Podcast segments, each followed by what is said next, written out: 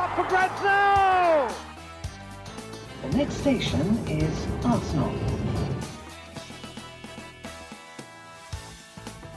Vamos, Don Saca, que pasa, Martinho? Velkommen skal du være til en splitter ny episode med Arsenal Station med Magnus Johansen og meg, Simen Goffeng. Og for en episode vi har i vente, da. Etter en kruttsterk borteseier mot eh, Southampton og med nyheten om at Martin Ødegaard er i ferd med å ikle seg den rødhvite drakta. Ikke så verst eh, start på uka dette her, Magnus. Tirsdag kveld sitter vi her eh, og spiller inn, sånn som vi har for vane når, når Arsenal spiller seinkamp. Hvordan har du det? Nei, Først må jeg spørre deg om hvor lenge du har sittet inne med den introen. Eh, med spansk eh, klasse der, med både Martinio og Don og hele pakka. Men eh, Det var to linjer, så det tok ikke så lang tid. Så du må ikke gi meg for mye kudos for den, altså. Men eh, på sin plass med en liten Don foran Saka om dagen, for der har vi en sjef i ypperste eliteklasse, altså. Ja, det var det jeg tenkte jeg skulle si òg, at uh, nå har vi funnet gull.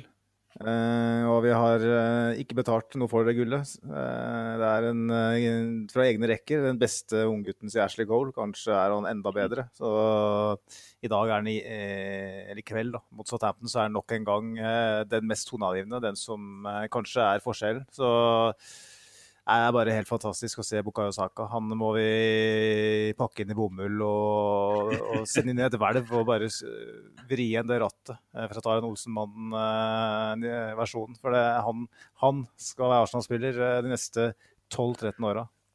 Ja, altså Den forlengingen på avtalen hans, eh, når vi fikk den var det i sommer? Den, den, ser jo veldig veldig ut som gull nå, ja. Han skal vel fort ha en liten lønnsforhøyelse om ikke så altfor lenge hvis han fortsetter sånn her. Det er bare å tenke på Tenk på om han hadde holdt på med dette her for en annen klubb, som vi var litt redd for bare for noen eh, måneder siden. Så ja, få han inn i et hvelv og ta han fram to ganger i uka. Og holde han eh, skjult for alle mulige farer i mellomtida. For det her eh, Ja, det er my mye å glede seg over om dagen. Nå har vi gått eh, seks strake Premier League-kamper eh, uten tap. Fem seire. Eh, måla begynner å renne inn riktig vei. og vi holder jo stort sett nullen. Bortsett fra i dag så ble det en baklengs. Men uh, livet som Arsenal-fan det har jo virkelig blitt snudd på hodet den siste måneden. Bare fortell litt grann, da, om hvordan uh, tilværelsen har eh, forandra seg for din del. Det er vel med å gjøre livet litt lystigere nå når det fortsatt er en, en mørk og kjip tid vi er inne med koronarestriksjoner som har blitt uh, forlenga. Kanskje ikke opp hos deg, men i hvert fall nede i, nede i nordre Folloland, der jeg bor. Ja, jeg har tenkt mye på deg, Simen, de siste dagene. Jeg har tenkt at uh, Nå sitter kanskje du og spiller inn podkast uten meg, for du ikke kan forlate huset snart. Men uh, uh, den 26.12.2020 så var det åpenbart boxing day. En dag, en dag, som man gleder seg til. fotballens nasjonaldag i England på mange vis.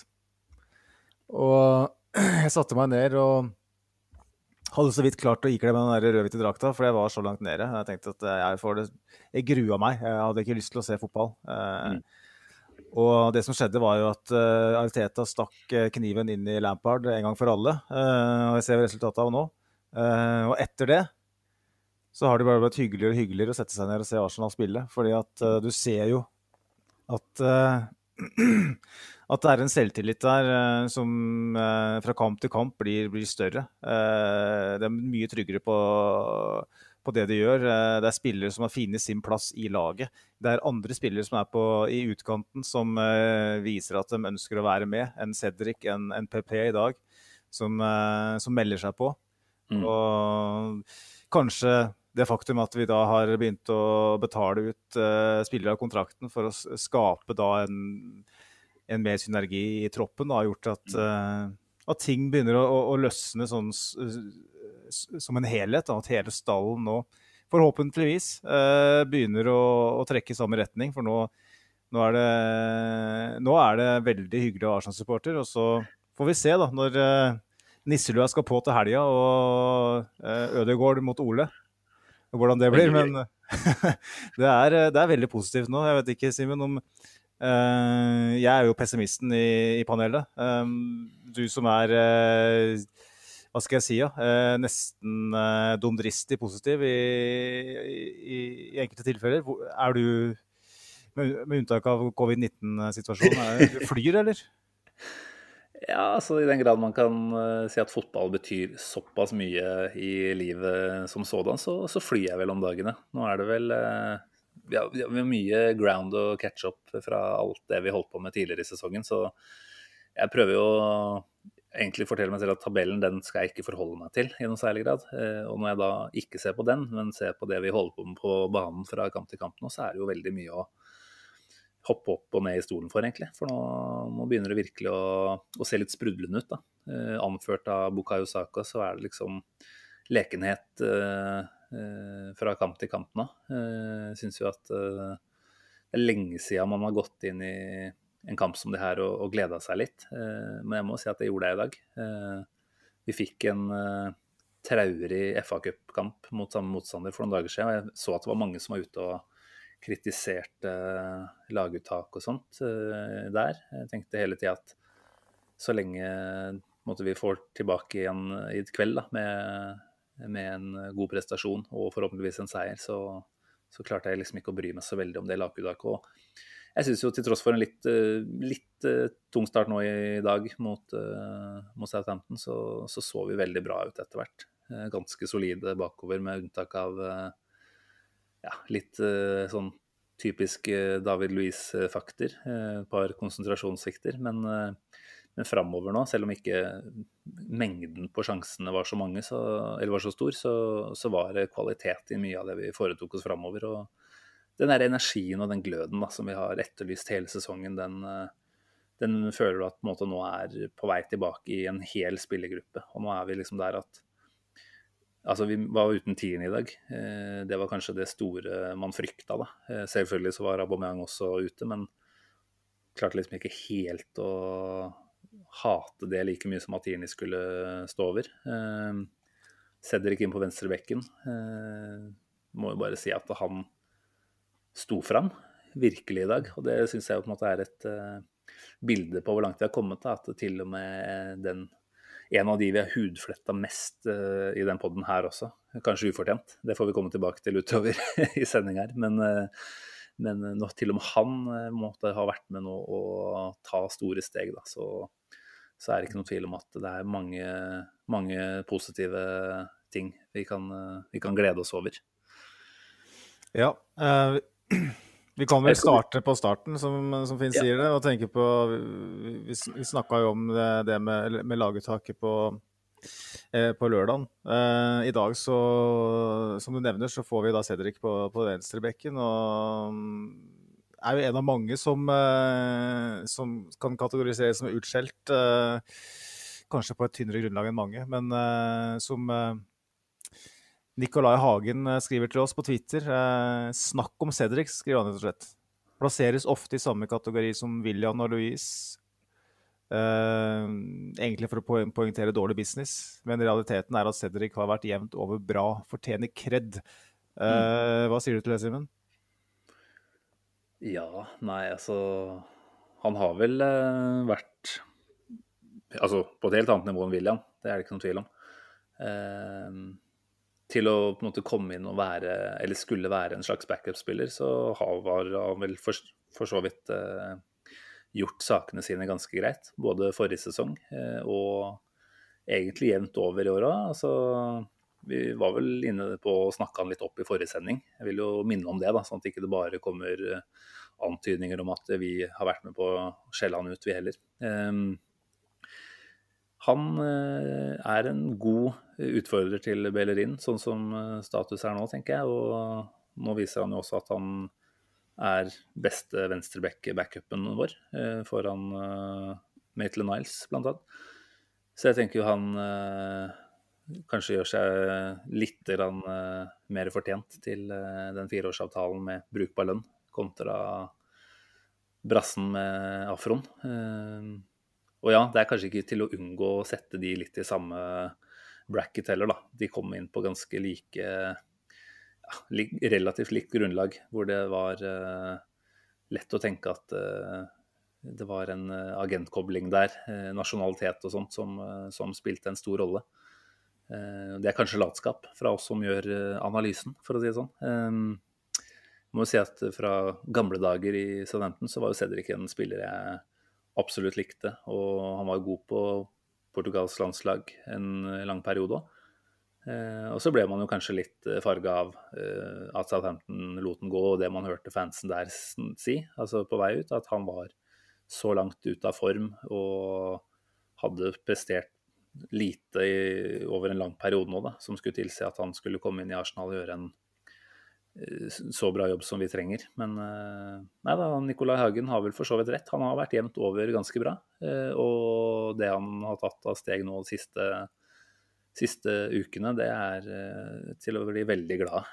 Jeg vet ikke om vi skylder han et lite beklager, jeg.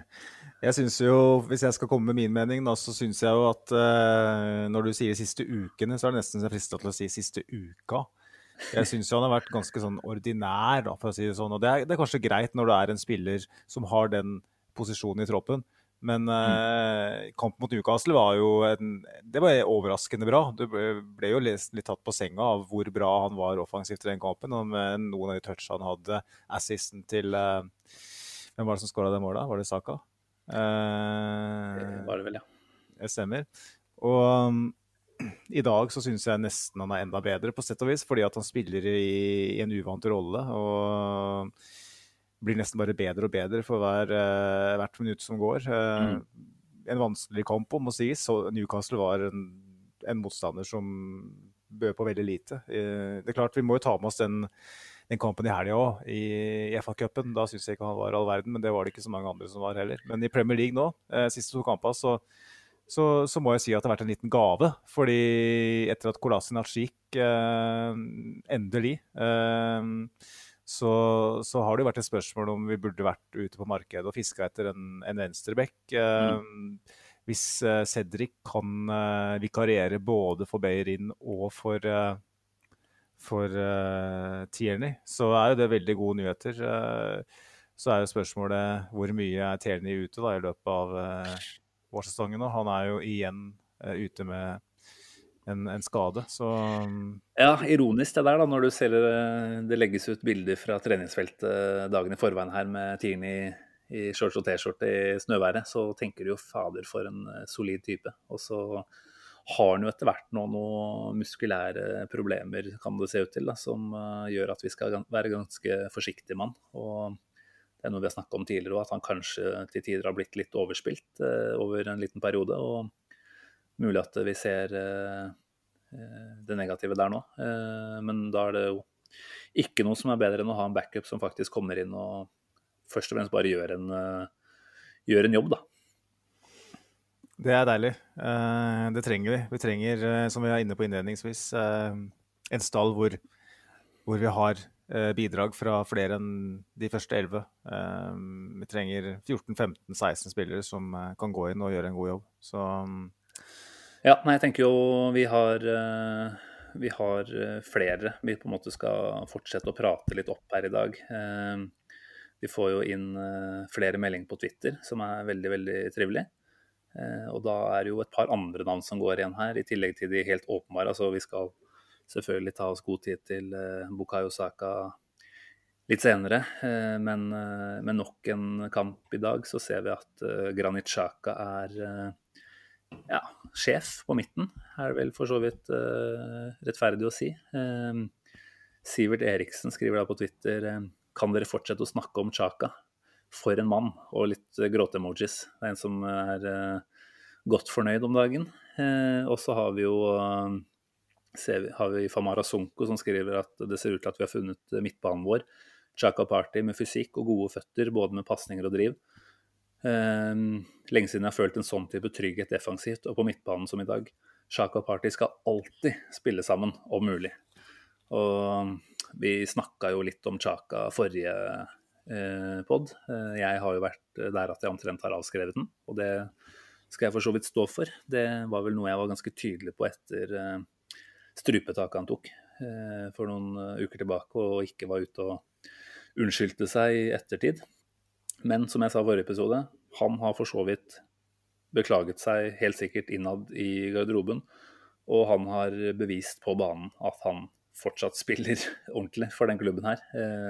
Så hva var det du sa før vi gikk på lufta her i dag, Magnus? At vi, vi, kan bare fortsette å slikke grus. Det er helt greit. Jeg ligger fortsatt langflat og beklager for så vidt tidligere slakt av Chaka. Det han leverer i dag, er igjen kruttsterkt, solid, eh, som Famar og Sonko skriver her. Og så er det vel dessverre sånn at Chaka og Party ikke spiller neste kamp. For det Party er vel dessverre ute en liten stund igjen, kan det se ut som.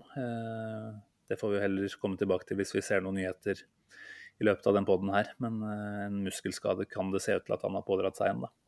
Men Chaka, hva syns du?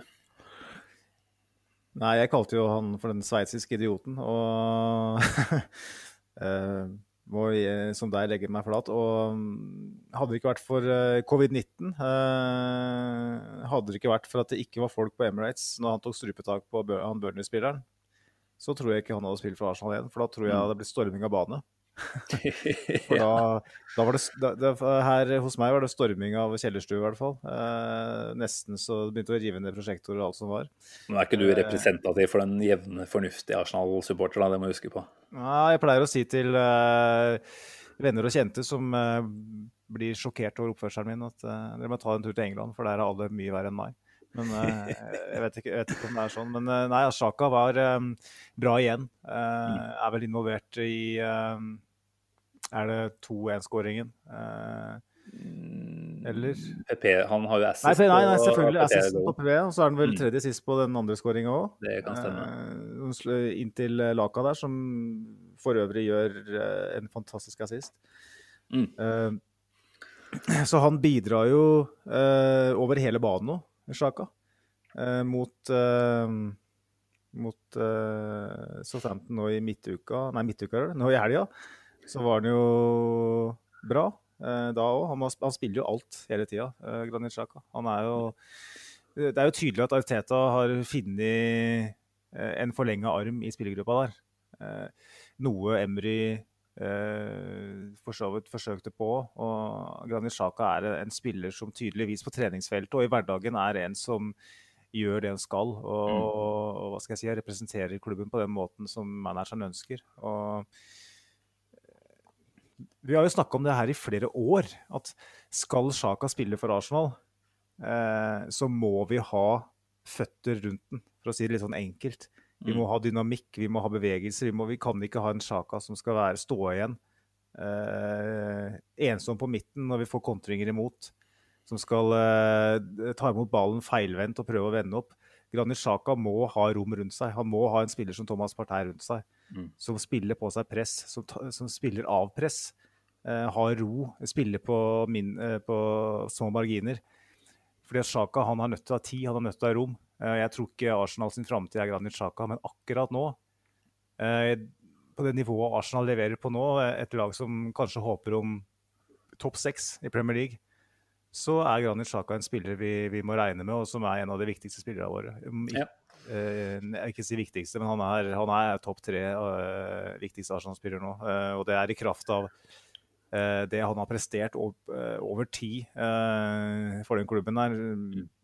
Og da må vi jo ta noen perioder og, og, luke ut, fordi det har vært noen perioder hvor det har vært helt begredelig. Men han er veldig funksjonell, da. Det er det som er forskjellen på han og Ceballos, han eller Elneni. eller han eller Toreira, Gindosi, da, for å ta de òg, som er på lån. At uavhengig av hva du mener om Sjaka som fotballspiller, så passer han veldig godt inn i måten Arsenal spiller fotball på. Ja. Jo, du kan vel på mange måter si det. Blei du borte, eller? Nei, jeg er her, jeg. Jeg bare tenkte Nei, det, det var poenget mitt. Så det... Ja, det, jeg, skal ikke, jeg skal ikke kreve noe mer enn det, enn det Magnus. Det var bra, det. Eh, ja, nei, jeg syns vi kan si mye positivt om Sjaka, og han fortjener, fortjener, alt vi kommer med i dag. Og det er jo igjen min lille måte, begrensning i forhold til han er jo dette med å være stabil over tid. Altså, han har jo tendensen til å eh, ha en hodemist i ny og ne og gjøre en helt horribel eh, tabbe. Eh, eller enda dummere ting, da, som vi har sett tidligere nå. Men jeg tror som du er inne på at uh, det aller aller meste av uh, svaret på å få det beste ut av Chaka er å ha eh, mobilitet ved siden av ham. Og i Thomas Partey så har vi jo definitivt det. Så får vi jo som sagt bare krysse fingrene for at han ikke blir ute for lenge igjen. For det, ah, det er en, en så gjennomsyret kvalitetsspiller, da. Det Thomas Partey han, han utfyller laget som helhet på en veldig god måte. Og har jo en tilstedeværelse fysisk òg som er noe vi ikke har vært bortskjemte med på midten der. Så krysser fingra for den. Jeg tenker jo vi må flytte oss litt videre også til uh, sistemann i det Hvem var det som skrev det? Var det Skal vi se, ble det borte for meg her? Er du på Twitteren? Uh, ja, jeg er på Twitteren. Nei, Hedley sier at uh, vi trenger en egen spalte for de avskrevne spillerne i dag. Og i tillegg til de to vi har vært innom, så er jo da PP uh, sistemann jeg tenker på. Han uh, for så vidt kanskje ikke vært avskrevet på samme måte, eh, og heller kanskje ikke kritisert på samme måte som eh, et par av disse andre, men, eh, men har jo vært på ja, ganske langt ut på langt ut i kulda hos Arteta en ganske lang periode. Men fikk nå fornya tillit etter å ha vært kanskje det lille lyspunktet offensivt vi kunne se i FA-cupkampen mot Southampton skårer jo da mål. Eh, og det er vel kanskje det mest positive vi kan si om PP, er at selv om han ofte har en tendens til å fade litt ut av kampene, så er han ofte der med, en, eh, med et bidrag i eh, assist- eller mål-kategorien. I dag syns jeg var gjennomgående ganske god, med et forbehold om at jeg ikke har sett hele kampen med 100% oppmerksomhet. Så syns jeg at han har mange gode bidrag i dag. Ser at han egentlig var planlagt å erstattes av Martinelli etter eh, snaut 70, men fikk vel nesten stå hele kampen ut. Og det, det tenker jeg gjorde godt for han. Eh, hva, hva har du å si om PPs eh, opptreden i dag? Kan du ta en liten kuriositet innledningsvis? Hadde en liten dialog med to av våre mest skal kalle det Iøga-fans. Eh, to som har lytta til oss eh, hele veien. Sivert Eriksen og Stian Børling. Det var vel Sivert som eh, lova både meg og Stian en sixpack med øl hver hvis vi skåra to mål. Og allerede etter var det 7-8 minutter eller noe sånt, når PP skårte 1-1-målet, så var det sånn Oi! Han følte seg ganske trygg på at ikke det kom til å skje, tror jeg. Og det var nærmest det. Så det var andre på Twitter òg eh, som var ute og meldte at hvis PP skårer, så skal vi love ut det og det og det. Eh, nå det, hadde vel Sivert faktisk satt noen eh, kroner på en bong her, da. Så hadde okay. PP skåra to, så hadde han vel gått i pluss. Men ja, jo, jeg ville jo sannsynligvis ha krevd noe annet enn seier, for å si det sånn, hvis jeg skulle hatt en six-sack øl. Så det ville ha blitt eh, en lite minus der. Men eh, Nei da. PP, eh, han, eh, han eh, trengte den eh, skåringa så mm. til de grader for å få senke de skuldra litt. For har sett, vi har sett den nå i de senere tid, så han har høye skuldre når han spiller. Han mottar ball, så er han veldig usikker. Timingen er ikke der, utførelsen er ikke der. Eh, og han, han, er litt sånn som en Kall det sånn som Sio Walcott var for oss eh, tidligere. da. Han, mm. han, tre, han, bør ikke ha tid han bør ikke ha rom. Han bør egentlig få ballen eh, under press, sånn som han eh, fikk av Sjaka i dag. Hvor han har kjempedårlig tid. Han må bare, nettopp, mm. bare spille på instinkt. Mm. Fordi han, han trenger eh, noen gode opplevelser. Um, jeg tror fremdeles at uh, PP er en gigantisk flopp. Men uh, hvis vi klarer å få noe nytte av den, som vi snakka om innledningsvis. Vi trenger å bruke stallen. Vi trenger at både PP og William nå for den saks skyld bidrar eh, mot slutten av sesongen. Nå går, mm. går eh, Smith-Roe av med skade i dag. Martin Ødegaard er sikkert ikke helt klar til å starte mot United. Vi trenger at, at det andre tar tak. Eh, og vi har sett så mange ganger uh, at uh, spillere har blitt avskrevet. Vi har avskrevet Sjaka og Cedric i den podkasten her, og vi har avskrevet PP òg, uh, eh, til dels. Og i alle fall ut ifra prislappen, da. Og um, nå er tida for P til å, til å, virkelig hva skal jeg si, gripe den sjansen. Det skrev skrevet på Twitter òg, før kampen i dag. Mm. PP mot et uh, Southampton som, litt, som, liker å stå litt høyt, mot uh, en, en uh, Beck som Jeg trodde han skulle spille på andre sida, da. Jeg trodde han skulle spille på høyresida, så jeg tenkte han skulle spille mot han, han unggutten som nesten ikke har spilt i mm. Premier League. Men uansett, da. Han skal spille mot en, et andrevalg på bekken mot et lag som står høyt. Nå har du sjansen. Grip den jævla sjansen, skrev jeg. Og det, det gjorde den. Og det kosta Sivert nesten to sekspakker jeg, eh, jeg håper virkelig nå Det er kanskje det aller viktigste for Arsenal som klubb. At Nicolas Pepe faktisk eh, eh, hva skal jeg si, løfter seg nå. For det er en investering som, mm. som, tynger den klubben her så til de grader.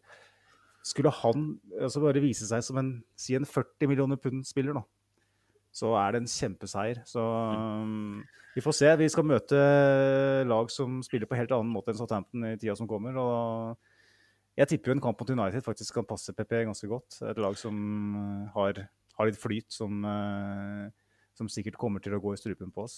Ja, det blir spennende. Det kan vi snakke litt mer om på slutten. Jeg er vel fortsatt litt usikker på hva jeg forventer av Solskjær i en sånn type kamp. Altså, borte mot toppmotstand så har han jo hatt en ganske åpenbar, tydelig Eh, framgangsmåte eh, tidligere i karrieren sin. Men nå er det jo tabelltopp, så det kan vi alltid tenke at de må framstå på en litt annen måte. Eh, ser jo at vi da egentlig allerede har svart på spørsmålet til Vegard Tønder Pettersen på Twitter. Han berømmer jo også PP og spør om det endelig kan være at det skal snu litt. Litt tidlig å tenke at dette på en måte er nok til å få opp eh, forhåpningene sånn. Jeg syns vi hadde en veldig god periode på PB på slutten av eh, forrige sesong. Og det er klart, da hadde du et større opphold i, i etterkant som gjorde at han aldri har kommet helt i gang igjen denne sesongen. Men uh, jeg tenker jo det er også talende at når han nå får en start, så er det da ikke på favorittplassen sin, som er høyrekant, for der har vi en ekstremt, et ekstremt klart førstevalg, rett og slett, om dagen.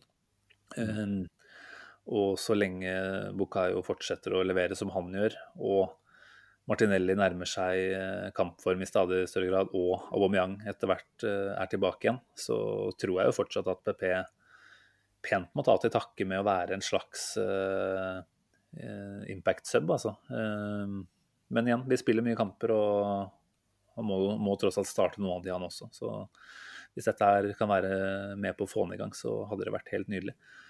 Jeg vet ikke om vi bare skal nevne Abba kort, jeg, siden jeg tok opp han her. Jeg ser jo at uh, Arsenal uh, på Twitter nå etter kampen er ute og skriver at de tenker på han. Og vi så både Lacassette dedikerte eh, skåringen sin til eh, sannsynligvis en avgått eh, person. Eh, nærliggende å tenke at det var eh, familiemedlemmet til Aubameyang som det snakkes om at han har mista. Nå skal ikke vi spekulere for mye i det, men eh, jeg ville bare ta det opp fordi jeg har sett at det har vært veldig mye grums, hvis man kan kalle det, på sosiale medier i etterkant av fraværet hans eh, tidligere nå. Og mange som sier at han bare får komme seg på fotballbanen og prestere, til tross for det han skulle være gjennom eh, på privaten. Det må jeg si at jeg syns er en ganske lite empatisk eh, holdning. Det er tross alt fotballspillere er yrkesutøvere og, og, mennesker, de også. Så opplever man det som i verste fall er et dødsfall i nær familie, da da må det for all del være mulig å få litt uh, forståelse for det, tenker jeg. Ja, definitivt. Um, uavhengig av om du tjener uh, krone i uka eller uh, det han gjør, så hvis, hvis, det er, hvis, det er, et dødsfall i nær relasjon eller noen som har opplevd noe tragisk, så må vi bare gi han den tida som, som trengs. Mm. Og vi vi trenger ikke engang å, å regne med den i de kampene som kommer, hvis, eh, hvis det er noe sånt. Så, ja, veldig, skal, ikke moralisere, og, skal ikke moralisere og være altfor uh, kjepphøy og på sin høyeste her, men jeg tenker det er greit med en påminnelse i hvert fall om at, uh, som du sier, uavhengig av lønn, så går man gjennom uh, ja, vanskelige livssituasjoner uansett hvem man er. Så mm. tenker vi får prøve å ha det i bakhodet. og hvert fall når det er såpass kort vei til disse spillerne på sosiale medier, da, så er det noe med å tenke seg litt igjennom før man eh, slenger ut eh, diverse tilbakemeldinger. Jeg har ikke sett gjennom eh, kommentarfeltene på disse statusene til Arsenal. Jeg håper i hvert fall at folk holder seg for gode til å hate på fraværet hans nå. Men eh, la oss hoppe videre. Eh, vi må jo altså, vi må jo rett og slett bare få prata litt mer om Bukayo Sako, Saka, selv om det har vært en uh, tilbakevendende aktivitet i den poden her i denne sesongen. Så er det jo en grunn til det. Han er jo vår uh, klart viktigste offensive spiller om dagen. Og ja. sørger nå for, uh, for sluttprodukt nok en gang, og med et lite forbehold om at intervjueren på på premium etter kamp hadde rett, så sa hun faktisk der at uh, Bukayos uh, fem skåringer denne sesongen her i Premier League gjør at han faktisk har skåret flere enn alle de andre tenåringene i ligaen til sammen. Og hvis det stemmer, så er det en ganske drøyt og morsom stat. Ja. Eh, jeg har ikke hatt tid til å sjekke opp den, jeg heller. Eh, det er jo kanskje sånn at målgivende nærmest er det samme òg. Han eh, han leverer jo på et nivå som ikke er normalt for en 19-åring. og Vi snakka om det tidligere i episoden, at vi har funnet gull. Eh, mm. Bukayo Saka han er gull. Han er eh, en, en, spiller som har det, det lille ekstra. Han kan, han, han kan spille på høyresida, han kan spille på venstresida, han kan spille sentralt, han kan spille venstreback. bekke, og han men ikke spille på venstreback. Nei, nei, nei, nei, nei, for all del. Eh, det må de ikke finne på å gjøre. Eh, det gjorde vi må, i forrige match mot Southampton. Men ja. han, eh, han, er så komfortabel da, i alle posisjoner. Han minner meg litt om Cess Fabregas. Eh, sånn sett mm. ikke som spillertype nødvendigvis, men akkurat hvordan han har med ballen. Eh, den selvfølgeligheten mm. han har i spillet sitt på det nivået her når han er så ung. Altså, det faller så naturlig for han. Og han har uh, den ydmykheten, han har den, um, den stayerevnen. Han, han, virker uh, påskrudd hele veien, og han har Altså, han tar de rette valga. Det er kanskje nesten det aller viktigste. Altså, han, han, han gjennomgående tar det rette valget. Og har temposkifte, har tyngdepunktet, har blikket, har avslutningsferdigheter, har roen. Altså ja, til og med hovedskåringer har han jo visst denne sesongen her. Så man begynner å lure på hva er det han ikke har. Eh, produserer jo da i dag både mål og assist med høyrebeinet eh, som venstrebeint. Så vi er jo noe i nærheten av komplett. Og som Stian Børling skriver, han er jo et talent i verdensklasse. Så enkelt er det. Jeg tror jeg sa det kanskje bare i forrige podden eller uka før, at det er ikke lenge før vi kommer til å se på han som et eh, sånn fenomen sånn, som i samme bracket som uh, Haaland, uh, Mbappe, Felix, kanskje. Og fortsetter ja. dette her litt til nå. Altså, ja, jeg hører at jeg tar av litt, kanskje, men uh, det, det, er ikke, det, er ikke, langt unna. Det er klart Arsenal som klubb må jo kanskje også gjenspeile hans kvaliteter i en litt høyere tabellposisjon, men det kommer vi til. Det kommer vi til etter hvert. Jeg tenker hvis når, når, du, når, du, lister opp de spillerne der, da, så tenker jeg at det kanskje er litt drøyt. Men samtidig, Jaden Sancho-nivået er kanskje det vi snakker om. En, en, en spiller som uh, ikke er helt ulik heller. Uh, som kan gjøre alt er offensivt. Mm. Så um, jeg, jeg, vil påstå at uh, Saka er en mer komplett spiller enn Sancho. Men igjen, nå driver jeg og fabulerer, kanskje. Men skulle vi solgt Saka i dag, så hadde vi jo vært ute etter en milliard for den.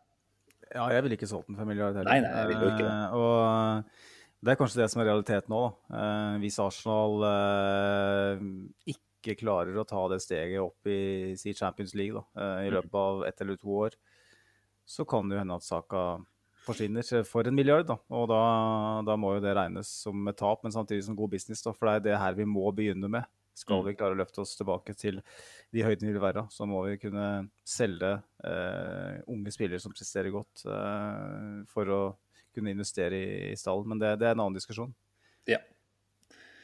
ja, det er mange diskusjoner vi kan ha rundt overganger. Eh, det var vel, Bare for å ta et lite sidespor der, så var det vel noen som lista opp eh, alle de spillerne vi har henta opp gjennom åra nå som har gått uh, for ingenting siste åra. Det er vel 185 millioner uh, pund Eh, i utgående transferutgifter og nøyaktig null eh, tilbake igjen. Og nå er det vel ting som tyder på at eh, vi lar Mustafi gå på samme måte som Øtzil og Sokratis.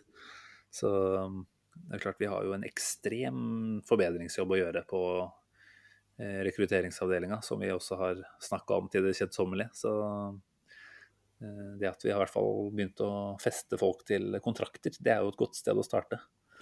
La William være den siste dyre, store feilen vi gjør da, som fotballklubb. La han være på en måte uh, the, the, last straw. Uh, den som uh, virkelig får alle til å våkne opp og lukte kaffen. Nå må det, nå må det være slutt. Mm. Fordi at nå gjøres en del riktige ting i klubben. og Eh, du kan si at eh, Arsenal eh, mottar en del honnør, og Arteta og du mottar en del honnør for at de faktisk tar de grepene og, og kvitter seg med Øsi, kvitter seg med Sokratis, kvitter seg med Mustafi. Men det er to verdensmestere her som blir betalt ut, som har et halvt år igjen med kontrakta, som Arsenal bare betaler lønna, bare få dem ut. en, en, en Sokratis som er en ganske bra midtstopper, egentlig. Han er kanskje ikke en moderne sånn type som passer inn i et topplag, men han er en ganske bra midtstopper for et uh, midt på tabellenlag og nedover. Uh, men de ender med å betale ut av kontrakta. Og det, det, viser om at den klubben har vært vanndrevet i, i, i flere sesonger. Det har vært uh, et nivå på klubbdrift som er uh, Sleivdal IL. Altså. Så det, nå må vi bare håpe at de har lært. Mm. Og vi kan jo se på Cedric-dealen som et positivt tegn, eller hvis vi skal ja. legge oss og stikke grus. Jo, men det, jo, men det er jo, så enkelt som at altså, de, aller fleste avtaler eh, blir jo til slutt kun vurdert i prestasjon på banen. Eh, og sånn sett eh, så, så, kan du jo si at eh, OK, det er eh, rekrutteringsavdelinga sin feil at vi henter William og gir han en treårskontrakt. Og er det 200 000 i uka vi har forplikta oss til der? Men det er jo også William sin feil altså, Vi burde kanskje skjønne at det psykologiske medfører her at gutten ikke er så sulten, rett og slett. Men, eh, men eh, hadde William eh, landa noen flere målgivende da, i, i, den perioden han fikk spille mye, som han tross alt kunne gjort med no, litt bedre slått cornere, blant annet, så hadde vi jo på en måte kanskje sett på han med et litt annet øye med en gang. Så, men nei da, vi skal ikke forsvare det som gjøres av uh, innhenting av spillere. For er, eh, der er det stort forbedringspotensial. Men eh, det er vel kanskje også stikkordet til å bevege oss videre. Eh, innhenting av spillere. Vi må jo vie en god liten slant av tid til Martin Ødegaard, Magnus. Nå mm. sitter vi altså her tirsdag kveld. En bekreftelse fra offisielt hold la jo vente på seg. Men vi vet jo at han har vært på en medical, og han har vært på London Colony og hilst på lagkamerater bare spørre deg, da. Hva, hva er uh, første reaksjon når uh, du får uh, høre at Ødegaard er på vei til Arsenal? Den aller første reaksjonen var nja Men så er det gjerne sånn at når, når din klubb henter en spiller, så bruker du litt energi på å prøve å rettferdiggjøre det overfor deg sjøl. Kanskje her det er ganske smart. Uh, og, og dyk, dykke litt dypere i det. Da. Uh, hadde mm. det vært uh, en annen klubb i Premier League som hadde gjort den signeringa her, da, si uh, United, Liverpool, Chelsea City, så hadde jeg vært mer skeptisk. så, bare, så det, det, viser vel kanskje at jeg er litt sånn småskeptisk. Mm. Det er litt den derre Ødegård i Premier League, er det, er det rett liga for han på, korttids, på, en korttidskontrakt? Um, hvor man på en måte må bruke kanskje den hele den perioden på å tilvenne seg tempo og, og sånt noe. Så det er den ene sida av det. Og den andre sida av det, som jeg er mer positiv til, er at Arsenal har helt, har helt, åpenbart behov for en sånn spillertype til. Den eneste spilleren vi har som eh, er i, i den bracketen der, er jo Smith-Roe. Og han har jo vist seg å være kjempeeffektiv.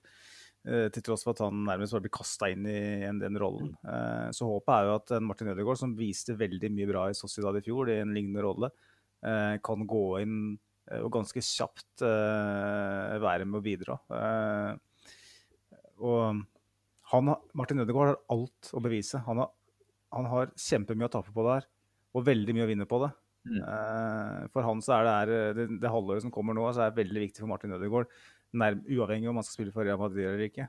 Uh, nå er skepsisen tilbake etter at en, en veldig god sesong i fjor. Uh, og både Real Madrid og Martin Ødegaard har veldig mye å tape på det. Arsenal har ikke all verden å tape på det. Uh, Presterer han ikke, så er det på en måte nesten ikke vært vårt problem. da. Uh, så det er lite å tape på det. Sånn sett så er jeg veldig positiv til at vi gjør en, sånn gjør en deal som ikke det er knytta så mye risiko til. Da. Så ja, ja, nei, det, tanker. Det jeg er usikker på, er jo kanskje Altså, vi som nordmenn har jo fulgt Martin Ødegaard siden han var 15 år og herja i Tippeligaen. Og så har det jo vært opp og ned eh, i stor grad. Han var jo ekstremt god i Sociedad i, i fjor. Eh, men vi har på en måte kanskje ikke latt oss overbevise helt. Og det jeg må si at jeg på en måte har vært skeptisk til når jeg har sett han særlig da i Real Madrid, det er jo at han har Med en gang han har vært på den største scenen der, da, så har det vært en større grad av forsiktighet i spillet hans, sånn som jeg har uh, opplevd det i hvert fall. Uh, det er kanskje litt naturlig med tanke på at han har en veldig junior-status i Real Madrid kontra flere av lagkameratene, og det har vi på en måte fått bekrefta nå uh, når Zidane har hele tida gått tilbake til de mer rutinerte. Det blir spennende å se hva slags måte, rolle Arteta har skal vi si, sagt at han kommer til å få. For det er jo ikke noe tvil om at Arteta har overbevist han. Det var vel Sociedad-treneren som sa det selv òg, at de trodde de var i pole position her. Men så var Arteta på pletten, og har sannsynligvis det i kombinasjon med at Real Madrid ser på Sociedad som en utfordrer til Champions League-plasser. Spilt inn der, da. Men, men at Arteta har gått så, ikke så, langt som å love eh, spilletid, men i hvert fall vært tydelig på at Ødegaard kommer til å ha en veldig sentral rolle i Arsenal så fort han er i ordentlig matchfitness og sånt, så tenker jeg jo at Ødegaard nå kommer inn i en klubb hvor han tenker at her skal jeg faktisk eh, ha en sånn ikke, ikke stjernestatus, men eh, ta et større ansvar enn han kanskje tenkte at han skulle gjøre i Real Madrid. Da. Sånn som vi kunne se antydninger til at han gjorde i Sociedad. Mm. Så er det jo klart at uh, det er vanskelig å si hvordan det er å bytte ut La Liga med Premier League midtveis i sesongen. Sist gang Arsenal henta en sånn spiller, Dennis Suárez fra Barca, så gikk det jo ikke særlig bra. Uh, han kom jo også med en skade i sekken, men uh, det er klart Ødegaard har vist at han har en noe skjør fysikk, kan vi kanskje begynne å se antydninger til. Eh, har jo bare spilt noen få minutter de siste par månedene, egentlig. Mm. Så at han er et stykke unna å bidra, det, det vil jeg tro. Nå ser vi at eh, Smith-Roe går av med skade i dag. Eh, det er kjempesynd, fordi tanken min var jo at Ødegaard nå skulle på en måte få god tid til å fases inn. Han skulle få 20 mot United, da, kanskje. Eh, en halvtime. Eh, og så begynner man å innføre han fra start et par kamper og tar han av etter hvert. Og så er han på en måte forhåpentligvis oppe og nikker ordentlig mot uh, slutten av februar, var vel kanskje det jeg hoppa på. Nå blir det spennende å se om vi kan være så tålmodige. hvis vi tenker at William er den andre backup-løsninga vi har på tierplassen om dagen, så så er ikke det noe vi kanskje har for uh, så, så, veldig store forhåpninger til. Så jeg tenker at nå har Ødegaard uh, for så vidt fått en veldig klar vei inn på dette laget, hvis Smith-Roe er ute en stund. jeg frykter det når jeg ser han går ned sånn som han gjør i dag. Jeg vet ikke om det har kommet noe klarhet i den skaden ennå på snakkende tidspunkt, Magnus. Men ja, eh, som deg. Litt sånn nja i starten. Eh, med tanke på hva slags eh, bidrag vi kan få av han. Eh, men eh, tenker at det er jo en ekstremt artig signering. Altså nordmann. Vi Arsenal-fans i Norge vi er jo ofte der at vi tenker at eh, TV 2 og alle andre medier kun skriver om United og Liverpool, og ofte ta fram Arsenal når det går dårlig. Eh, nå er vi jo i begivenhetenes sentrum eh, definitivt. da. Og det kan jo bli tidenes ilddåp nå hjemme mot Solskjær. Det måtte jo vært en fantastisk overskrift om Martin eh, knuste Solskjærs borterekke. De har vel 17 på rad eller noe sånt uten seier borte nå. Nei, uten tap borte. Så veldig spent på hva han kan bidra med umiddelbart. Så jeg er også spent på å høre hva du tenker om etter denne låneperioden. Det er jo som kjent en, eh, en avtale som ikke innebærer noe kjøpsopsjon eller noe sånt. Um, hvordan tenker du Det, det vil jo selvfølgelig avhenge av uh, prestasjoner og hvordan alle mulige omstendigheter ser ut mot slutten av sesongen. Men tenker du at det er et uh, snev av mulighet for at han også blir værende utover denne låneavtalen? Jeg skal svare på det, Simen, eh, om uh, noen få sekunder. Jeg skal bare ta med meg det som ble sagt om, Kieran, nei, om uh, Smith Roe. Ja, fint. Han, han var skada i FA Cup-matchen, og vi visste at han sannsynligvis ikke, ikke, kom til å kunne spille hele kampen i dag. han hadde nå en litt muskulær muskulær discomfort, da, for å si det på den måten. som sier så det, jeg leser på engelsk her. Han måtte av igjen, så det virker ikke som det er noe sånn kjempe alvorlig, så det er bra. Okay. Men uh, Martin Ødegaard permanent til Arsenal uh, på sikt. Uh, det er jo noen tungvektere i overgangssirkuset, type Fabrizio Romano, som har vært ganske tydelig på at at Real Madrid og Arsenal skal sette seg ned sammen etter sesongen og diskutere mm. om det er en mulighet for en permanent overgang. Mm så lenge Zidane er Real Madrid-trener. Uh, han virker ikke å gi veldig mye tillit til de unge spillere uh, i Real Madrid. Du ser jo hvor mange de har ute på lån rundt omkring, og som etter hvert uh, ender opp med å selge med denne berømte tilbakekjøpsklausulen som er kunstig, kunstig lav, à la Morata. så det kan godt hende det, altså, at, at, vi kan, at, vi kan, få et mulighet til å kjøpe en og hvis han presterer veldig godt eh, Og det er jo ingen tvil om at, at Martin Ødegaard er eksepsjonelt talent. Det er eh, ikke uten grunn at, eh, at han ble fulgt av hele verdenspressen nærmest rundt omkring på den der turneen mm. sin før han endte opp med å signere for Real Madrid. Spørsmålet er om han har liksom den derre Hvor du har Haaland, da, som sånn åpenbar sånn stjernementalitet. Mm. Eh, ordentlig arrogant drittsekk, egentlig, men det er kanskje det det trenger å være. Eh, mens Martin Ødegaard er veldig sånn uh, svigermors eh, drøm-type. Veldig, Virker litt sånn forsiktig. og er liksom, Det er der det ligger litt, da. Er, skal han gå inn en, uh, i Premier League og, og, og, ta tak, ta ansvar, ta plass? Uh, og hvis vi ikke ser tegn til det første halvåret, skal vi, skal vi bruke si 40-50 millioner euro på på å hente den permanent til eh, mm. sommeren. Eh, han har vel kun Det er vel to år igjen av kontrakten til sommeren, tror jeg. Så det er jo på et tidspunkt hvor Real Madrid må vurdere eh, mm. hvis de skal få igjen noe for den. Og det sies vel òg eh, fra de samme tungvekterne i, i, i mediesirkuset at, at, Martin Ødegaard er ganske fed up da, med å bli sendt rundt på lån her og der og ikke få spille i Real Madrid. Nå har han jo selv valgt å gå på lån. da. Eh, han, han vil jo han ville jo være i Real Sociedad egentlig ja, denne sesongen her, men når du omtrent får beskjed av Zidane om at nå må du komme deg tilbake til Madrid, vi trenger deg, så gjør du jo det.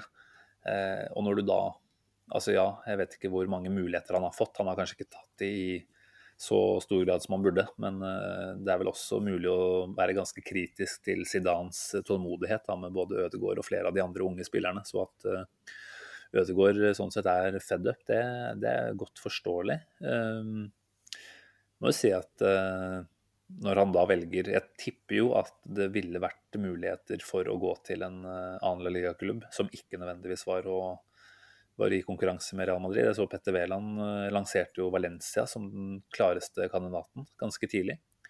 Uh, som ligger nede og sliter litt i sumpa. Um, tenker jo at det ville jo på mange måter vært det tryggeste valget hvis Ødegaard eh, virkelig tenker at eh, det er Real Madrid jeg skal eh, kjempe meg inn på. Det er La Liga jeg skal vise at jeg presterer i. Nå velger han jo veldig Jeg må jo si det er et tøft og modig valg, først og fremst. For det er ikke på langt nær noe sikkerhet for at dette her blir en ubetinga suksess. Da. Så jeg tenker jo dit at han i hvert fall er ganske åpen for et klubbskifte og kanskje også et ligaskifte da, til uh, sommeren. Uh, og så blir det jo spennende om prestasjonen hans i Arsenal gjør at eventuelt enda større klubber som f.eks. Liverpool United kom på banen. Da. Det, da vil vi jo sitte og tenke at faen heller, har vi vært en slags utviklingsarena for, for, en av de klubbene. Jeg vet jo at Ødegaard er jo Liverpool-fan, så en sånn type overgang eh, er det på en måte ikke helt urealistisk å se for seg. Men uh, vi får håpe at han kommer inn på, på London Colony og finner seg godt til rette med en del andre spennende unge talenter. Og så enda viktigere å finne plassen sin på, på laget her. Uh, presterer han bra nå, så får vi egentlig bare jeg regner med at vi kommer til å ta denne diskusjonen og den praten mange ganger fram mot sesongslutt. Eh, hva blir status på Ødegaard? Den kommer sikkert til å forandre seg fra måned til måned. Ja, Men, og bare før du avslutter Ødegaard-debatten her, så, så har jeg sett litt på tallene, da. Og Ja. um, ikke sånn veldig dypdykkende, men uh, det er veldig viktig å huske på at Martin Ødegaard tross alt fortsatt bare er 22. Og i den type rolle han spiller, eh, som skal være en uh, hva skal jeg si, en, en, en H-mester, en playmaker, en, en som dikterer spillet, så er det ikke, er det ikke normalt at en, at en så ung spiller nødvendigvis skal være ferdig utvikla. Det er bare det at han slo gjennom som 15-åring og spilte landskamper som 15-åring, så er det, er det sånn forventning om at han skal være klar. da. Det var det Real Madrid og kanskje håpet, at han skulle gå rett inn og, og, og være en erstatter for en Modric eller en, en Kroos eller hva det måtte være. Men hvis du ser på forrige sesong, da, hvor han fortsatt, faktisk eh, presterte spesielt høstsesongen, hvor han bl.a. ble kåret til månedens spiller i september i La Liga, som er ganske vanvittig. Jeg hvis du tenker på hva slags spiller som er der. Eh, så eh, såkalt eh, Vi er jo veldig opptatt av XG om dagen. Eh, og det er noe som heter expected, eh, expected assist, da. Expected målgivende, kan du si på norsk. Eh, så var det kun eh, tre spillere i topp fem-liga i Europa som eh, var foran eh, i fjorårssesongen. Det var eh, Trent Alexander Arnold, det var Kylan Mbappé og det var Jaden Sancho. Eh, det sier litt om, eh, litt om eh, hvem som sitter rundt bordet der. Når det gjelder eh, antall skapte sjanser for samme, samme kategori, spillere som er 21-åringer eller yngre, så var det fire spillere som var foran. Det var igjen Alexander Ornald, det var eh, Dejan Kulusevski, det var Jaden Sancho og det var Sandro Tonali som var eh, marginalt foran. Så Mm.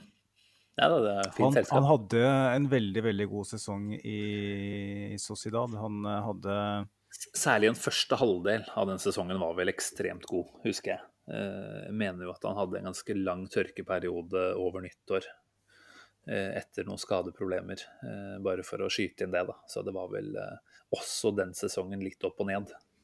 Det var det, men han hadde jo den der jumpers knee-skaden, Mm. da, som er for, altså for de som har peiling på det, sier, sier jo at det er en jævlig skade. Det er en sånn type skade som er veldig vanskelig å kvitte seg med, som hemmer deg veldig. Som er en litt sånn ullen. Uh, og allikevel, eh, til tross for den litt sånn svake vårsesongen, så hadde han jo eh, to nøkkelpasning i snitt per kamp, to eh, driblinger eh, i, i snitt per kamp. Eh, nesten to skudd per mål eh, per kamp. Og du tenker på at William har to skudd på mål for Arsenal på 20 kamper, så, så er det ganske lovende. Han ender opp vel med er det ni målgivende og sju mål eller totalt for Sociad. Som er, det er gode tall. og han er, Som sagt, han var 21 år på det tidspunktet. Eh, han er en fenomenal fotballspiller på sitt beste. Eh, hvis han har tatt et valg som veldig ung, et valg som jeg vil tro eh, var velbegrunna. Eh, både med han, på hans side og for faren hans òg, som fikk en betydelig rolle. Han fikk vel være med ned dit. og det, var, på en måte, det føltes vel sikkert som et riktig valg der og da å gå til Real Madrid. Eh, han var jo fotfølt av alt som var av store klubber. og Kanskje ville han ikke ta det valget igjen, da. Eh, hvis- han nå har valget da, mellom Arsenal og si ja, City eller Chelsea kommer på banen. da. Kanskje han tenker at hvis han har prestert godt i Arsenal, at, at nå skal jeg velge det som passer meg best her og nå, Mm. eh, og ikke det som drømmen er om fem år. Eh, så det er kanskje siste, siste bidrag til den, den debatten vi hadde. Jeg, Jeg, jeg tar, tar gjerne et lite moment til jeg, før vi sier oss ferdig med Ødegaard for denne gang. Um, jeg synes jo det er, jeg vet ikke om vi, vi nevnte det så vidt her i forhold til eh, han og Smith-Roe, men han kan jo også spille eh, litt dypere i banen, eh, er det grunn til å tro, vel. Um, tenker jo at en, eh, en toer slash treer på midten, hvor Ødegaard er en, en del, eh, kanskje mot noe svakere motstand eh, på hjemmebane f.eks., er vel ikke helt umulig å se for seg. Det er vel sånn at vi tenker at en tierrolle er det åpenbare utgangspunktet for han, men eh, eh, han kan vel også bidra til å bekle flere posisjoner, da. Mm. Så det blir spennende å se hvordan, hvordan vi matcher han selvfølgelig sånn spilletidmessig, men også posisjonmessig. Om han kan han bli litt lett for en uh, sentral midtbanerolle i Premier League. Det er vel ofte det hypen vil ha det til, at Premier League er såpass mye kjappere og mer fysisk enn La Liga. da. Men uh, nå får vi se hvordan det blir med Smith-Roe. Altså, for å si det på det enkelt, da. Uh, hvordan rater du de to opp mot hverandre som en tier? ja, det er et godt spørsmål. Uh, veldig lite sample size fra, fra Smith-Roe sin side foreløpig. Det er kun en måned, egentlig, hvor vi kan si at han har prestert på det nivået der. Han ser skadet ut nå igjen. og hvem vet hva han kan bidra med på sikt, når spillere motstandere begynner å ta mer hensyn. Martin Ødegaard er en spiller som har blitt tatt hensyn til fra første spark på ballen, egentlig, med, på tanke på navnet han har og sånn. Så det kan godt hende at uh, at, uh, at, Martin Ødegaard uh, på sikt er foran. men jeg er jo litt sånn spent på hva som er tanken i, i, hva skal jeg si, de viktigste kampene. hvem er det som Eh, er tiltenkt den rollen. Har mm. Arteta henta han inn for å, at Smith, uh, Smith Rowe skal være da nærmest være en backup for han, eller skal Martin Ødegaard kjempe seg inn i, i tierrolla, eller skal Martin Ødegaard spille dypere i banen, som, eh, mm. som du nevnte? da. Um, det er jo noen av de som har sett Ødegaard mye, som mener at han kanskje er bedre når han uh, får mer av spillet foran seg. Uh, som jeg, jeg, kan forstå. Han er jo god én mot én. og har bra blikk for spillet. Uh, Drømmescenarioet er jo at han og Thomas Partey kan spille sammen på midten med, Smith-Joe rett foran. Men akkurat det tør jeg ikke å håpe på, rett og slett. Nei. Uh, jeg i hvert fall sier sånn for å bare legge den bekymringa død. Altså, det er mange som har tenkt at uh, Ødegaard nå betyr en slags uh, tilsidesetting av Smith-Roe. Det, det, kommer jo ikke til å skje, for det er, det er så mange kamper uh, resten av sesongen. der. Nå er det vel 18 ligakamper igjen. Uh, forhåpentligvis en del uh, europaligakamper. Så at det blir nok spilletid på Smith-Roe uansett, det er jeg ganske sikker på. Og jeg tenker at Det er på en måte også et sånn godt poeng med den dealen her, at den dreper ikke Smith-Roe. Det var vel det vi var litt inne på her for noen uker tilbake. At mm. for all del nå, ikke gjøre en sånn signering som måte, som vi blir tvunget til å få til å funke, da, à la William. Ikke la oss gå i en sånn type felle. Og det gjør vi jo definitivt ikke med å hente Ødegaard på et uh, seks måneders lån. Eller fire-fem måneder er det vel kun det er snakk om her også, før sesongen er over. Så jeg tenker det er, eh, det er veldig mange plusser uh, ved den uh, overgangen her. så får vi bare se hvor mange det blir, og hvor, hvor godt han slår til. Men, så må vi, må vi, ta med det, Simen, at vi, nå har vi snakka litt om det med å avskrive spillere. Eh, nå har vi en spiller på Arsenal som faktisk eh, potensielt sett kan lytte til podkasten vår, som skjønner hva vi sier. Så nå må vi være litt forsiktige med å, å, hva skal jeg si, å banke i bordet og, eh, og, og, rasle med sabler. For det, plutselig så sitter Ødegaard eh, hjemme i, i London og hører at vi kaster den til ulva. Ja, nå må du roe ned litt ned, tror jeg. Tror ikke du skal bekymre deg veldig for det. Ja, jeg tror ikke det. Ja, mange, jeg, jeg vet vi har noen lyttere fra Drammen her, så der går Jugendtelegrafen ganske kjapt. Altså. Greit. Jeg lover å opphøye han som en gud, den guden han eh, fortjener. Kjære Martin, hvis du hører på.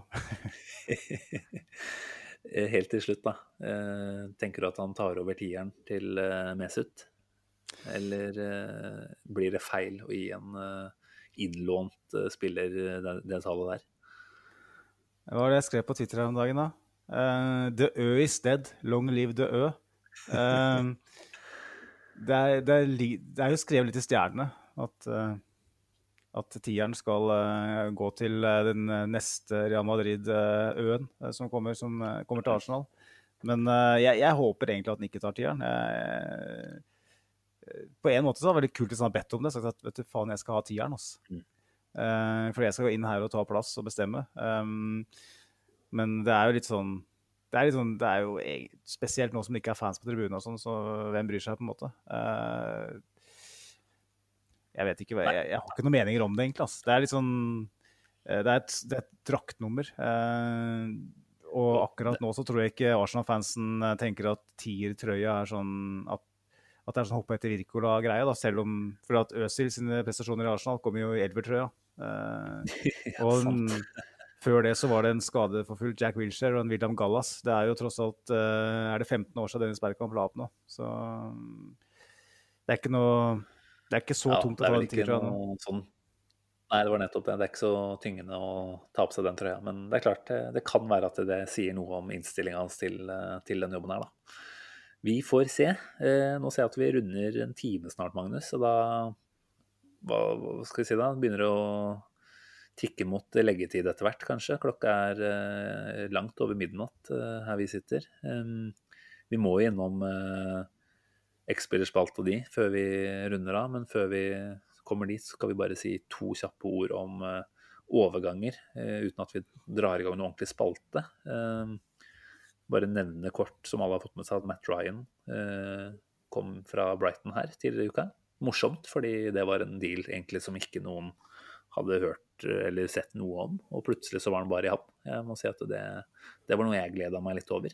At eh, en sånn lyn fra klar himmel-overgang fortsatt er mulig å få til i 2021. Mm.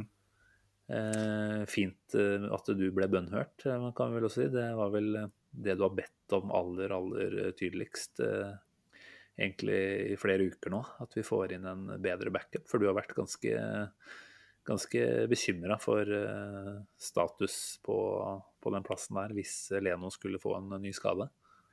Ja, altså eh, Det høres litt dumt ut, men jeg er nesten mer happy med Matt Ryan enn eh, med Ødegaard. Eh, Det er fordi at Runa Runarsson eh, rett og slett eh, ikke holder mål, og det har vi snakka om tidligere. Vi, vi, vi måtte ha inn en backup. og det her det var en, en litt deilig signering på mange vis. Det var en uh, signering som uh, Twitteratet ikke hadde klart å, å melde i forkant. Og det var en, uh, en Hva skal jeg si? Ja, en veldig sånn Det gir mening, da. Det er en, en keeper med Premier League-erfaring som uh, har, hva skal jeg si, har kommer til Arsenal med, med alt å bevise. Han mista plassen til Brighton. Um, Attpåtil Arsenal-fan er det også. det er sto opp, sto opp midt på natta når, eh, i sine yngre dager når jeg bodde hjemme i, Australia og så, så kamper. Så er jeg en dedikert Arsenal-supporter òg. Mm. Og det er jo alltid fint. Så jeg ønsker Matty Ryan velkommen og håper at, um, at vi ikke trenger å se det mellom stengen. Da. Men uh... Nei, det må vi jo virkelig si. Og det er ikke fordi vi ikke liker han, men uh, Bernt Leno er vel enn så lenge en av ligaens beste keepere. Og det, det er rett og slett sånn at han henter noen poeng for oss, han, i løpet av den perioden vi er inne nå. Han har, uh, har ikke hatt veldig mye å gjøre, men han har stort sett gjort det aller meste med perfeksjon. Så jeg håper at Matt Ryan finner seg godt til rette på benken. Ja, eh, det var um, Det var, eh, hva skal jeg si, en sånn type signering som du bare tenker at uh, veldrevet klubb ville, ville gjort, og da får vi håpe at det, det stemmer. Jeg bare hadde én ting til, Simon, som jeg har lyst til å nevne, eh, som jeg glemte Ja. i stad. Kom. Eh, mulig jeg dreper dramaturgien i podkasten her litt nå, men So be it. Eh, jeg leste på Twitter før, eh, før kampen i dag. Eh, Urbinho, eh, statsguruen, som Arsenal-fan attpåtil, som har blitt beskyldt for å være veldig negativ. Kanskje er det jeg som er Urbinio. Men iallfall så la han ut en, en, en stat før kampen og at det er kun Burnley som har tatt færre poeng etter å komme under i Premier League i enn Arsenal. Vi har tatt ett poeng etter å komme under eh, i Premier League-kamper. Og den statistikken, den eh, triumferte oppi i huet mitt, eh, hva skal jeg si, ja, bora eh, ned i hjernebarken min. Eh, når eh, Lacassette først brant den sjansen etter eh, 40 sekunder eller noe sånt, og så gikk Southampton opp og skåra på corner rett etterpå. Mm. Tenkte at OK, ok, så da bare kasta den korkopptrekkeren så plastikken føk igjen. Så er det, nå, nå taper vi. Vi, har, vi klarer ikke å snu fotballkamper. Det er kun Burnley som er dårligere enn oss det. Og, um, og så gjør vi det. Og det må jeg bare som en sånn uh, aperitiff Mm. si at yes, endelig så, så viser vi at vi har det òg. for at vi, vi fortsatte bare å, å jage på. Og det, den syns jeg var viktig å få med. Ja, det er et veldig godt innspill. Det er eh, ikke noe vi har vært eh, bortskjemt med denne sesongen her. Så meget, meget bra. Eh, men da kan vi fortsette med overgangsspalten, hvor det bare er et par eh, navn til å nevne sånn eh, kjapt her. Eh, Nå har vi for så vidt vært inne på at venstrebekkplassen plutselig ser ganske greit bekledd ut med siste prestasjonene til Cedric. Eh, så kan jo at det får en eh, betydning eh, for de siste dagene nå, hvor man eventuelt er på utkikk etter en venstreback-backup. Ryan Bertrand på Southampton har jo vært nevnt. Han har en kontrakt som går ut til sommeren, og vil jo da komme et relativt billig, kan man anta. Og så er det vel også en ung gutt på Crystal Palace. Er det Tyrick Mitchell, muligens? Mm. som har vært uh, kobla. Uh, jeg er jo fortsatt der, som jeg sa, at uh, jeg ville ikke tenkt at det hadde skada med en uh, venstrebeint backup på venstrebekken. Så kan man få til en deal der for en OK pris. Da har vi jo i tillegg engelskmenn som ikke tar av den non-homeground kvoten, så tenker jeg det hadde vært en veldig fin deal å få på plass. Hva tenker du? Det kommer jo an på eh, hva slags kontrakt vi snakker. da. Er det en uh, lang kontrakt med veldig høy lønn, så ville jeg ha styrt uh, litt unna. Men uh, det som sies om Ryan Bertrand, er at han etter vel å ikke fått sjansen i Chelsea, er veldig keen på å prøve lykken i en topp seks-klubb igjen. da. Problemet er vel at han er, er 31, tror jeg. 31, ikke sant. Som Beck som skal, skal, opp og ned på den kanten, jeg er litt skeptisk til det. Altså. Ja. Jeg vet ikke om han Mitchell i Crystal Palace er villig til å spille andrefiolin i mange år bak en Tierney kontra å spille, være førstevalg i Palace heller, så Nei. Um, det er ikke lett det her å skulle finne en spiller som er sånn happy med å være backup. Um, for Tierney er så tydelig førstevalg nå. Det er litt sånn som du ser i, i, i Tottenham med Harry Kane f.eks. At det, det var brukt år på år på år på å prøve å finne en spiller som kan, er happy med å være backup, men samtidig god nok til å gå inn eh, når Kane er ute, som han gjerne er i to-tre måneder hver ja. sesong. Og det, vi ser jo samme mønster med Ternio, en spiller som er en del skada. Eh, hvordan skal vi finne en spiller som er villig til å Uh, være veldig sånn åpenbar backup, samtidig som kan gå inn og prestere noe i nærheten av det mm. Tierney gjør. da. tror du ikke at en spiller eh, som eventuelt kommer inn, også vil ha det i mente? At eh, man går inn og er backup for en som tross alt har en skadehistorikk nå, da. som mister en del kamper. Som vet at han sannsynligvis kommer til å få ganske mange kamper pga. det. og kommer også til å få spille forhåpentligvis eh, ja, det meste av cup og sånt, eh, så lenge man er med der, da. Mm. tenker, eh, Det er vanskelig å si, men det er jo derfor Edu får godt betalt for å finne ut av dette her. Så får vi stole på at han i enda større grad finner ut av jobben sin de neste, neste dagene nå i januarvinduet, og at han legger en slagplan for hvordan vi skal angripe sommervinduet etter hvert også. Yes. Ja, Nei, det blir spennende. Er det noen flere navn eh, vi må ta med der, eller? Det har jo blitt uh, hviska og tiska på Twitter siste daga om Danny Ings. da, fordi at han har, uh, Til sommeren så har han ett år igjen av kontrakten sin og mm. ikke villig til å uh, forlenge, fordi han har lyst til å gå til en større klubb. Um, Tottenham har blitt nevnt veldig flittig, men uh, det er òg blitt hviska og tiska om Arsenal. Um, han er vel 28 år.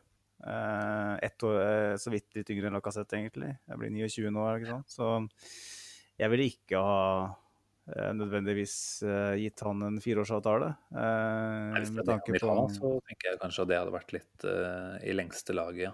Og han har jo bevist såpass i Premier League nå at han krever vel en relativt fin lønn nå, tenker jeg. Det tror jeg òg. Så det kommer jo an på hva slags tilbud han har. Men for jeg, jeg syns jo han er en veldig veldig god spiller. Um, jeg, det er tydelig at vi skal, vi skal ta den Liverpool-veien uh, og hente spillere fra Southampton. Så kan vi snakke om Bertrand og Ings, og jeg syns jo han uh, Shay Adams uh, tar store steg om dagen. Uh, hvis vi skal hente en spiss derfra, så vil jeg kanskje heller hente han. Men uh, mm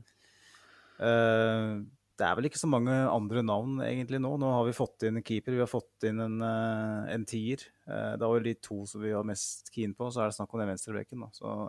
Nå har vel Ariteta snakka i det vide og det brede om at den stallen har vært eh, for stor. og til og med etter at at eh, Sokratis og Øzil var ute, så snakka de om at vi må fortsatt uh, trimme stallen. Jo, men det er jo, det er jo en Altså, ingen av de som vi allerede har sluppet, har jo tatt en plass i troppen. Jo, Kolasinac tok jo en plass i, i troppen. Så når vi kvitta oss med han, så åpna vi også opp for én ekstra eh, non-homegrown-spiller, gjør vi ikke det? Men ja. da er vi vel der at Matt Ryan tar den plassen. Eh, men da medfører kanskje det at Runarsson igjen eh, tas ut, da. Sånn at vi er, vi er da én eh, plass i pluss. Eller Mustafi, hvis ikke han hvis ikke Mustafi snakkes det også om at man vil kansellere på siste halvåret. Jeg tipper jo at han, han har ikke vært en kamptropp siden Chelsea-kampen, så jeg tipper Nei, at han blir utelatt.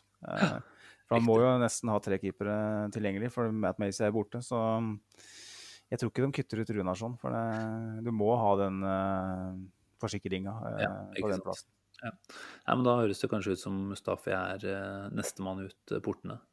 Så får man jo diskutere igjen eh, businessen man har gjort der. Han er vel, uh, han er vel fortsatt eh, Arsenals Er det sånn fjerde dyreste signering gjennom tiden eller noe sånt? Fjerde-femte?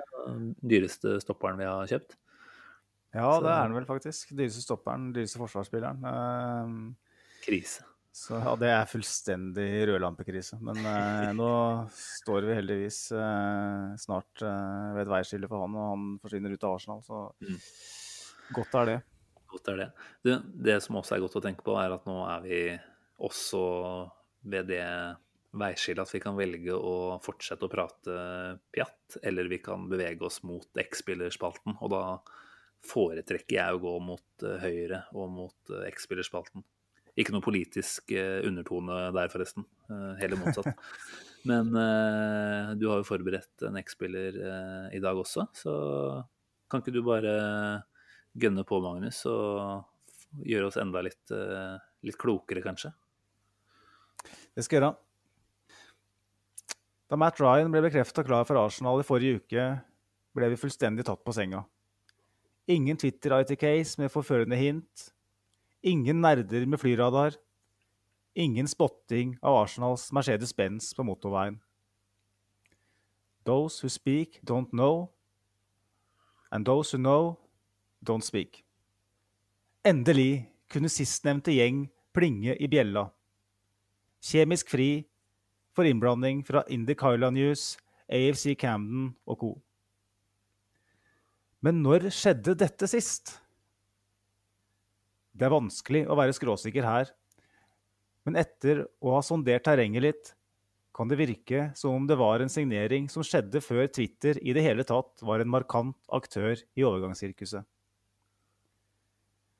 Etter et motvillig og hulkende farvel med en av de aller største, trengte Arsenal en storskårer. Mens man venta på Benzema eller Klause, forberedte Wenger og co. en skikkelig overraskelse. 3. juli var en helt vanlig sommerdag. Et besøk på arsenal.com etter endt arbeidsdag var obligatorisk, selv om man ikke forventa anna enn det sedvanlige. Denne gangen ble man imidlertid sittende måpende i flere sekunder. Som lyn fra klar himmel, eller en sklitakling fra Pires. Vi hadde fått servert en svært sjelden glede. En flunkende ny spiller som ingen hadde hørt nyss om før han poserte med skjorta på hjemmesida. OK, han var ingen Besema eller Klause, og mange av oss var kanskje litt skuffa. Men skeptikerne skulle raskt bli tia. Den nye reven viste et instinkt rundt hønseburet som var Ian Wright verdig.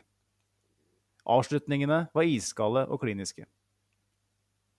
Sammen med en kontraktsjagende togoleser utgjorde han en fryktet duo som allerede i hans debutsesong var i ferd med å skyte Arsenal mot sitt første seriegull i Emirates-æraen. Helt til Hallgeir, hjernedød, bestemte seg for å leke Bruce Lee med metallknotter. Resultatet ble fatalt. Et syn som for alltid vil tirre netthinnen. En kung fu-takling som endte Arsenals tittelaspirasjoner og nesten førte til amputasjon av nysigneringens venstreslegge. Og det som nesten verre er, en krystallklar appell fra et samla britisk pressekorps leda av ultrakonservative neandertalere. Arsenal var for soft og hadde til dels tirra på seg motstandere med kontinental, elegant og arrogant spillestil. No look-pasninger og hælflik hælflikker fikk engelske murbrekkere til å kaste seg inn med begge føtter. Sånt måtte man regne med, var sjargongen. Fy faen! Mens, Arsenals, mens Arsenal forspilte tiårets mulighet, starta ulykkesfuglen en tolv måneders rehabiliteringsperiode. Det var ingen selvfølge at han skulle returnere til fotballbanen. Derfor var det svært rørende da han banka inn to mål i comebacket mot Cardiff i FA-cupen. Noen uker senere fortsatte han sine herjinger for Arsenal i cupen, med en perle av en volleyskåring med utsiden av foten. Den grove volden han ble utsatt for, skulle likevel ikke ødelegge for dagens X-spiller, tenkte vi. Men engelsk presse var ikke ferdig med sin vendetta mot Wengers Arsenal, og i særlig grad den stakkars spissen. The Gunners møtte Celtic i kvalifisering til Champions League, og den friskmeldte angriperen skaffa Arsenal et svært omdiskutert straffespark. Det kunne late til at han tok en Harry Kane kasta seg uten kontakt fra motstander. Agendaprestene i tabloidene var ikke nådige. Krigstypene hagla, og Arsenal-spissen var en skam for fotballen. Aldri tidligere hadde en fotballspiller overspilt på en gressmatte. Han må i gapestokk! Mens captain Dive Gerrard og Wayne Rooney ukentlig perfeksjonerte sine respektive svalestup, pressa tabloidene Uefa til å ta affære overfor en førstegangssynder. For første gang i historien ble en fotballspiller straffa retrospektivt av Uefa for å ha filma. Fy faen! Wenger kalte det en skandale og en heksejakt, og han kunne ikke vært mer spot on. Uefa måtte til slutt trekke suspensjonen, da man ikke engang kunne bevise at det var filming. Men skaden var likevel uopprettelig for vår mann. De beinbrekkerelskede journalistene hadde tatovert juksemaker i panna til den, til den sympatiske ulykkesfuglen. Dessverre viste det seg også at fysikken hadde blitt påført uopprettelig skade, og etter et lovende comeback fra skrekkskaden ble det etter hvert tydelig at han ikke var den samme spilleren. Allerede halvannet år etter comebacket tok han et par steg nedover på karrierestigen og signerte for Sjakta Ronetsk. Takk skal du ha, Mike Taylor. Fy faen! Heldigvis fikk han sin velfortjente Gunnar-hyllest da han høsten 2010 skåra på Emirates for Shakhtar i Champions League. Et unikt øyeblikk på Ashburton da hjemmepublikummet jubla hemningsløst for et baklengsmål. Du har gjort noe riktig da motpartens trofaste gir deg stående applaus etter en nettkjenning. Det skal nevnes at det var et reduseringsmål på stillingen 5-0, men likevel. Eduardo da Silva vil alltid ha en spesiell plass i våre Arsenal-hjerter, og vi vil alltid være på hans side i kampen mot resten av verden. Hmm. Takk, Magnus. Det var eh, på kanten til eh, rørende, nesten. Det var en veldig bra gjengivelse av eh, det som var så ut til å være en av de mer lovende Arsenal-karrierene. Fra 07-08 der, når han kom inn og prikkskøyt mål etter mål med den venstreslegga, til, eh, til den absolutte nedturen da, med det beinbruddet. Jeg må jo si at eh, Du nevnte ikke det, men jeg tenker vel at det var den åpenbare grunnen til at vi tapte det ligagullet den sesongen der. Ja, altså jeg nevnte det Jeg, jeg sa vel at, uh, at det var um, slutten på Ja, okay. Arsenals tittelaspirasjoner den, Sorry, Mac. den sesongen. Men, Men uh, jeg, jeg ble litt uh, Det var litt lang tekst, så jeg har ikke forberedt meg så mye. Så det ble noen sånne små språkglipper her og der. Men uh, jeg håper folk fikk Nei, for som alltid så er du sjelden god når det kommer til X-spillere, Magnus. Men godt valg, da. Jeg må jo si jeg regner med at den kom som en direkte følge av Matty Ryans ankomst og påminnelsen om hvor artig det er med en signering som bare dukker opp. Ja, det, det, var det som var inspirasjonen. Jeg hadde, jeg hadde en liten Twitter-dialog med Eh, annet Roar, eh, han vi hadde som gjest, tidligere Arsenal Norge-leder, eh, for noen episoder siden. Kjempe, kjempekar. Vi hadde en liten dialog om det på Twitter her. Når sist henta vi en spiller som ingen hadde hørt nyss om i forkant? og det var det Eduardo jeg kom fram til. så det er jo utfordringa til lyttere, hvis, hvis alle har hengt med til nå. Kan dere huske noen andre eh, mellom Eduardo og Matt Ryan som kom eh, uten at vi hadde noe anelse om det i forkant? Type ingen rykter, ingen hvisking og tisking? Jeg skal tenke litt på den til neste gang. Skal vi se om vi får noen uh, innspill på det. Kanskje det dras noen opp på hatten nå siste dagene i overgangsvinduet. Hvem vet? Ja, det var moro det, hvis uh, Messi plutselig står på Poserer med skjorta. Barcelona har, jo, Barcelona har jo så mye gjeld nå at de er kanskje tvunget til å kvitte seg med noen spillere før deadline. ja, nei, Da tenker jeg at uh, det er noen plasser i de offensive posisjonene som begynner å bli ganske bankers etter hvert. Så tenker uh, vi har bedre spillere å kunne trakte etter enn en Messi kanskje der, altså. Nei da, det var en spøk. Det hadde selvfølgelig vært uh, artig. Ja, men bra, Magnus. Eh, nydelig levert eh, nok en gang. Og så ser jeg at eh, vi er på halvannen times innspilling her, så vi, vi får vel pent eh, pakke sammen eh, mikrofonen vår og, og, gå til køy snart. Eh, Syns at vi har hatt en veldig fin prat i kveld, må jeg si. Det er ikke så dumt dette her med å podde rett etter en seier, altså. Det er noe med å få, få prata gleden gjennom systemet. Sånn eh, på direkten så så man eh, desto bedre etterpå.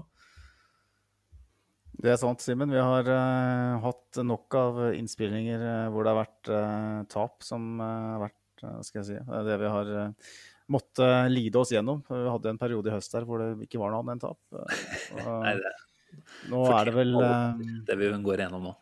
Nå er det vel en tøff periode sånn uh, på papiret i hvert fall, framover. Så ja. det er ikke sikkert det blir så mange av de kveldene her heller. Vi har United på, på lørdag. Jeg antar at uh, vi kanskje er tilbake etter den kampen. Ikke på direkten kanskje, men Kanskje en søndagsinnspilling i løpet av helga der skal la seg gjøre, i hvert fall. Vi får, vi får ikke love noe, men satse på at en, en, god prat om United-kamp og Ødegaard-debut og første Solskjær-tap på lenge eh, gjør at vi får en fin, eh, fin pod der.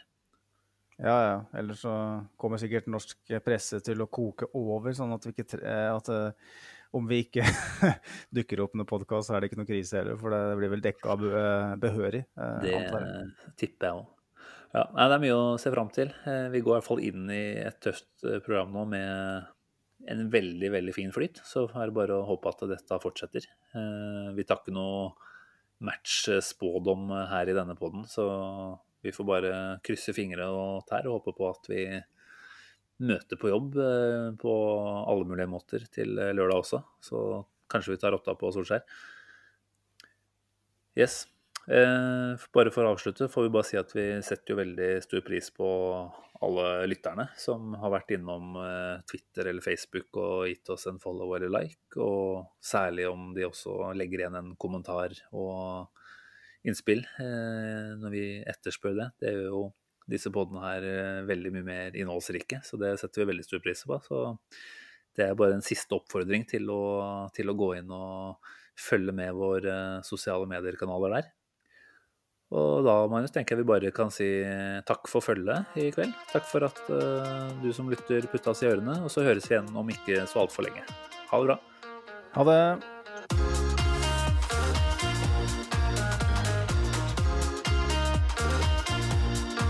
This train terminates here.